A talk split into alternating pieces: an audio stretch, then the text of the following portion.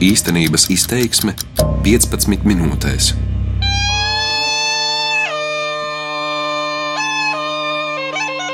Nekad iepriekš neesmu bijusi Bulgārijā, un nu man ir iespēja turp aizdoties. Domās pārcelāju visu, ko par to zinu. Eiropas Savienības gaitiņos Briselē pierasts dzirdēt, ka Bulgārija ir nabadzīgākā dalībvalsts, ka tā ir ļoti korumpēta un ka lielās un vecās valstis - Vācija, Nīderlande - to negrib uzņemt Schengenes zonā, jo neusticas Bulgāru spējai nosargāt ārējās robežas.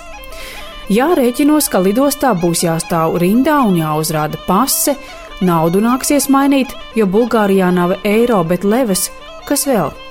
Ak jā, no vēlējiem padomu laikiem atceros sarkanus konservētus bulgāru tomātus lielās burkās, ļoti krāsainus deju kolektīvu tautas tēpus, fotografijās un dažkārt televizora ekrānā. Mani sauc Ina Strāzdiņa, un es dodos uz Bulgāriju atzīšos ar ļoti pieticīgu zināšanu un priekšstatu bagāžu. Kāda par šo zemi jau ilgus gadus tiesa ir ne tikai man, bet nevienam vien vidusmēra Eiropietim. Ir trīs iespējas vai nu atgriezties ar to pašu mājās, iegūt pamatīgu papildu kravu, vai vispār visu veco izmest laukā un sākt gluži jaunu, personisku pieredzi par Bulgāriju. Bulgārijas galvaspilsēta Sofija un pirmais pārsteigums. Izrādās ziemas šeit, kur ir tik karstas un krāsainas vasaras, mēdz būt patiešām augstas un pelēkas. Nav ledus un milzīgu kupenu, bet pūš asins vējš un prasās pamatīgi satīties metālī un šālē. Sofijas centrā, tuvu cita citā, ir lielās gaišās neorenesanses stilā celtās varas iestāžu ēkas, prezidenta pils, ministru kabinets, parlaments, no kura daļa telpu trūkuma dēļ ir iekārtojusies bijušajā komunistu partijas ēkā. Plaši laukumi, platas ielas, Lielajā parlamenta laukumā Sofija ir pieredzējusi demonstrācijas un protestus pat simt dienu ilgus pret varu, pret sociālo netaisnību, nabadzību, dažādus. Bet tagad te ir ziemas darba dienā raksturīgs miers, pulciņos stāv zilās formās satērpušies policisti. Un tas tādēļ, ka Sofijā šajās dienās ir daudz ārzemju viesu, jo Bulgārija nu pat janvāra sākumā ir kļuvusi par Eiropas Savienībā prezidējošo valsti. Tagad pusgadu uz Sofiju brauks dažādas Eiropiešu delegācijas, savukārt bulgāru ministri, iestāžu darbinieki, žurnālisti, eksperti lidos uz Briseli.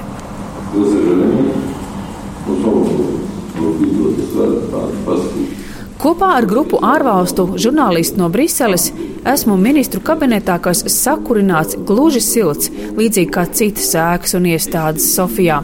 Tiekamies ar Bulgārijas valdības vadītāju Boiko Borisovu un vairākiem viņa ministriem. Borisovs ir interesanta un arī ārēji iespaidīga figūra. Karate federācijas prezidents, bijis lektors Policijas akadēmijā, politikas starplaikā nodibinājis apsardzes firmu, kas esot apsargājusi arī bijušo komunistu līderi Todoru Živkovu pēc viņa gāšanas no varas. Borisovs ir strādājis iekšlietu ministrijā, bijis Sofijas mērs un premjera amatā pārvēlēts vairāk kārt. Kad viņiem vaicājām, kā skaidrot augstos korupcijas rādītājus Bulgārijā un faktu, ka tikai pirms neilga laika valstī atkal bijušas vairākas ar organizētu noziedzību iespējams saistītas slepkavības, Boiko Borisovs saka, līdzīgas lietas katru dienu notiek arī citās Eiropas Savienības dalībvalstīs un ASV, un tām tiek daudz mazāk uzmanības. Nevajag Bulgārijai uzspiest zīmogu. Корупцията продължава да се възприема като всеобщо обяснение на всички проблеми. Ir pieņemts sacīt, ka korupcija ir visu Bulgārijas problēmu galvenās sāls. Tā saka Bulgārijas jaunās universitātes politisko zinātņu asociētais profesors un organizācijas Transparency International eksperts Antonijs Galabovs, kad pēcpusdienā tiekamies ar viņu Sofijā. Taču, kad saka, ka korupcija ir visur, patiesībā tas nozīmē, ka cilvēkiem īsti nav zināms, kur tā ir piebilst profesors. Viņaprāt, Bulgārijai šajā ziņā joprojām ir garš ceļš ejams, lai ļoti skaidri un gaiši izvērtītu politikas augstākā līmeņa un tai pakļauto iestāžu darbu, taču korupcijas maisā Bulgāras lietas likt arī bezdarba, nabadzības problēmas, kurām bieži vien ir gluži citi iemesli. Pat labāk Bulgārija ir situācijā, kad visiem spēkiem arī no Eiropas Savienības puses ir jāatbalsta korupcijas apkarošanas iestādes un jāatgriež sabiedrības uzticība pašai pašai savas varas institūcijām, jo pārmaiņas notiek tikai priekšstatu un pieredumu slānis ir tik biezs, ka tās ir grūti ieraudzīt, saka profesors. Pat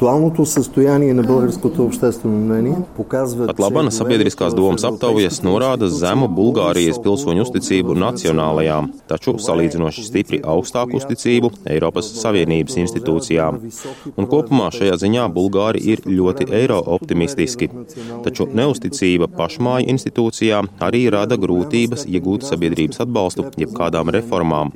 Un īpaši tas attiecas uz tiesām. Jau vairākus pēdējos gadus šī attieksme ir nemainīga un cilvēki aptaujās saka, ka Bulgārijā valda netaisnība, un kad viņiem vaicā, kas tam viņuprāt ir par iemeslu, viņi saka korupcija Но, за съжаление, само се обяснява чрез корупцiju. Uzticība visos līmeņos ir vārds, ko es bieži dzirdu pieminam Bulgārijā. Gan pašiem pārveidojot savu sabiedrību un cīnoties ar bijušā režīma mantojumu, gan gaidot to arī no ārpuses. Un tieši uz to Bulgārija ļoti cer arī šajā Eiropas Savienības prezidentūras laikā. Eirozona un Schengenes zona, par ko pat labāk runā šobrīd ierakstā dzirdamais bijušais Bulgārijas prezidents Rosens Plevnelijevs, šobrīd ir divi lielie Bulgārijas valdības mērķi. Joprojām pēc 11 gadiem Eiropas Savienībā Bulgārija nav šajās zonās, un tagad par to atgādina ļoti skaļi un apņēmīgi. Starp citu, tā ir iegūsta arī atbalstu Briselē un visvairāk no Eiropas komisijas prezidenta Žana Klauda Junkera, kurš pat savā igadējā uzrunā par stāvokli Eiropas Savienībā pieminēja to, ka Bulgārijai un Rumānijai ir jābūt Schengenas zonā. Bulgārijas politiķi un arī faktiskā statistika rāda, ka valstis atbilst visiem kritērijiem. Ārējais parāds Bulgārijā ir zemākais visā Eiropas Savienībā. Inflācija krietni zem prasītajiem 2%, budžeta deficīts - nulle. Taču dažas vecās valstis, Vācija un Nīderlande, nesteidzas piekrist. Mēs vairs negribam justies kā otrās klases pilsoņi, Sofijā saka Bulgārijas bijušais prezidents Rosens Plevnelījevs. So Kāpēc mēs vēlamies pievienoties Eirozonai? Pirmkārt, mēs jau gandrīz tur esam. Atbilstam visiem kritērijiem, esam piesaistījuši levu eiro valūtai. Būtībā jau 20 gadu esam šajā politikā. Mēs tiešām ticam, ka mums iestāšanās Eirozonā būs jauna integrācijas fāze. Mēs negribam būt nevienas savienības un nevienas lielas varas nomalē. Mēs jau gadsimtiem esam bijuši perifērijā, un ticiet man, tā nav mūsu nacionālā stratēģija. Mēs ticam tādai Eiropas Savienībai, kurā ik viens ir svarīgs, kurā ik vienam ir tiesības būt integrētam un dot arī savu ārtavu kopējā vienotībā. Es būšu ļoti atklāts. Mēs tiešām baidāmies, ka mūs varētu atstāt kaut kur ārpusē, pašiem cīnīties ar savu ātrumu un būt to varu ietekmē, kurā mēs esam bijuši jau gadsimtiem. Mēs tiešām vairs negribam tur būt. Un es vaicāju bijušajam prezidentam Plevnelievam, kā viņš to skaidro. Kas tad ir par iemeslu tam, ka par spīti atbilstošajiem cipariem, skaitļiem, rādītājiem, Bulgārija arvien nevar pārliecināt dažas vecās Eiropas valstis par savu progresu? Panākt šo uzticību. Plēvne Lievs skaidro, ka, piemēram, sarunās ar Nīderlandes premjerministru Marku Ruti, viņš esot uzzinājis, ka atbalstīt Bulgārijas uzņemšanu Schengenas zonā Nīderlandes līderim liedz iekšpolitiskas problēmas, vietējo eiroskeptiķu iebildumi, un tas nav godīgi, saka Plevnelijevs. Mēs sagaidām no visām visstiprākajām, visvarenākajām valstīm, piemēram, no Vācijas un citām, ka tās mums rādīs horizontu, ka tās īstenos nevis dubultos, bet vienlīdzīgus standartus. Visiem ir jābūt vienādiem noteikumiem un arī vienādām tiesībām. Tikai tā mēs varam izvairīties no otrās klases pilsoņu radīšanas. Ja mēs atbilstam noteikumiem un dodam savu ārtavu kopējā Eiropas Savienības drošībā, es nesaprotu, kādēļ Schengen ar vienu ir tik liela drāma. Bulgārija neslēpj savas problēmas, bet mēs tās arī nepārceļam uz citu pleciem. Atceros, ka arī premjerministrs Boiko Borisovs Sofijā publiski teica, ka 6. un 7. februārī Sofijā ir paredzēta Nīderlandes premjerministra Marka Rutes vizīte, un viņš personiski vedīšot premjeru uz Bulgārijas robežu ar Turciju, lai pārliecinātu, ka tā ir droša un labi nostiprināta. Bez cīņām ar Schengenas, Eirozonu, uzticību, nebūšanu perifērijā, Bulgārija vēl iziet arī visus tos skaudros lokus, ko daudzas citas joprojām tās augtās jaunās Eiropas Savienības dalībvalstis un arī Latvija, gluži vienkārši meklējot labākas dzīves iespējas. Tūkstošiem bulgāru ir devušies strādāt uz ārzemēm, uz Lielbritāniju, Itāliju, Maltu, Kipru un citām zemēm Tāpēc, saskaņā ar oficiālo statistiku, bezdarba līmenis valstī ir ārkārtīgi zems, gandrīz neeksistējošs, un šobrīd trūkst darba roku. No 9 miljoniem iedzīvotāju valstī pat labāk ir palikuši 7 miljoni. Sabiedrība arī būtiski noveco. Absolutely, yes, uh, definitely it is. Lielākā daļa no maniem draugiem ir prom ārzemēs, saka 34 gadus vecais divu bērnu tēvs Georgijs Nēkovs, kuru satieku Sofijā un kurš jau daudzus gadus ir ļoti pieprasīts turisma gids. Viņš saka, ka viņam Bulgārijā ļoti patīk un viņš negrasās doties prom un bilst, bet kāda gan ir izvēle medmāsai, piemēram, kuras šeit slimnīcā mēnesī nopelna 300 eiro, bet apkopjot sirmu galvu Itālijā vismaz desmit reižu vairāk.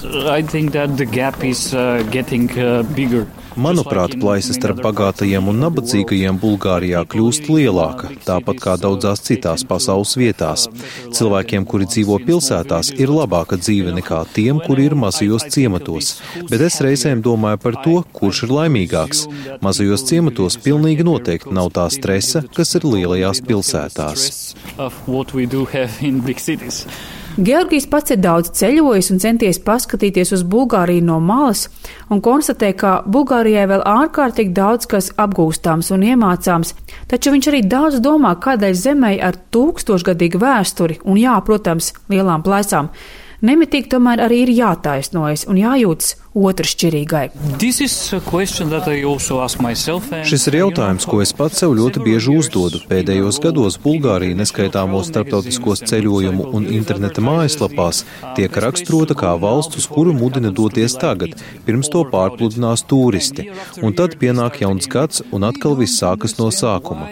Un man liekas, ka problēma ir pašos bulgāros, ka mēs neprotam radīt par sevi interesi, reklamēt sevi, izcelt.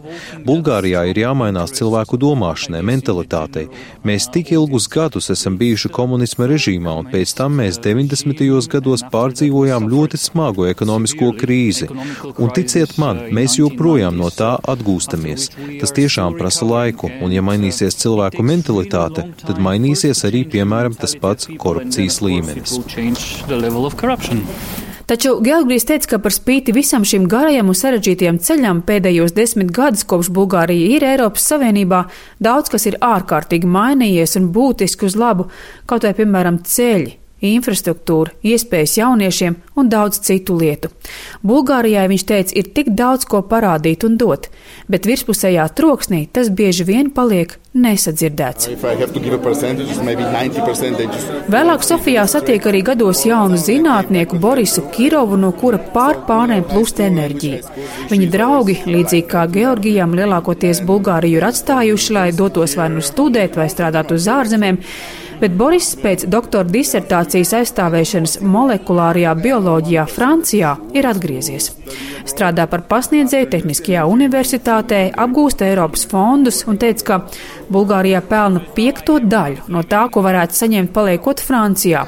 Respektīvi, šeit viņam ir 500 eiro mēnesī, bet viņš ir optimistisks un teica, ka ļoti zemās algas ir viens no dzinējiem meklēt iespēju Eiropas Savienības finansējumā. Šo zemo ienākumu dēļ mēs esam spiesti meklēt pieteikumus Eiropas Savienības finansējumam pielietojamās zinātnēs, inženierzinātnēs, jauniem instrumentiem un tā tālāk. Vācijā, piemēram, zinātne ir pārfinansēta un ir zudusi uzmanība par interesantām lietām. Te mēs varam un mums arī vajag meklēt palīdzību, lai strādātu ar īstām lietām. Bez visa tā, par ko bieži kliedz avīžu virsraksti, Bulgārija arī ir pat labāk ceturtā visstraujāk augošā ekonomika Eiropas Savienībā. 35 tūkstoši lielākoties jaunākās paudzes bulgāri tomēr pēdējos četros gados ir valstī atgriezušies. Bulgārijā, kā pārliecinos arī pati, ir ātrs un viegli pieejams internets, aktīvi darbojas tehnoloģija un zinātnes parks, dodot iespēju jaunu uzņēmumiem un cenšoties noturēt gaišākos prātus dzimtenē.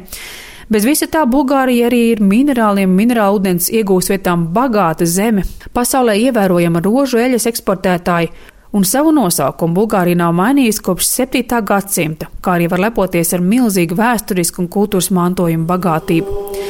Un viena no tām ir majestātiskā svētā Aleksandra Ņēvska katedrāla galvaspilsētā Sofijā, viens no lielākajiem austrumu pareizticīgās baznīcas dievnamiem pasaulē, kas mirdzošs un mierīgs. Ziemas vidū tajā ienākušajiem liek aizmirst par sajaukto pasauli tur ārā.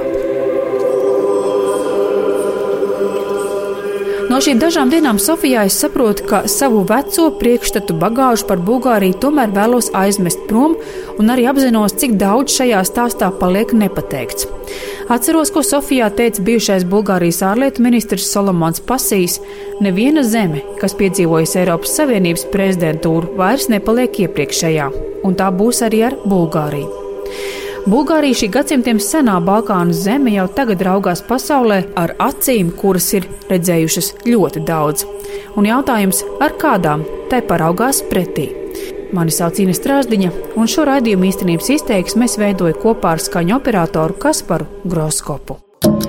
Darbības vārds īstenības izteiksmē izsaka darbību kā realitāti. Tagatnē, pagātnē vai nākotnē, vai arī to noliedz.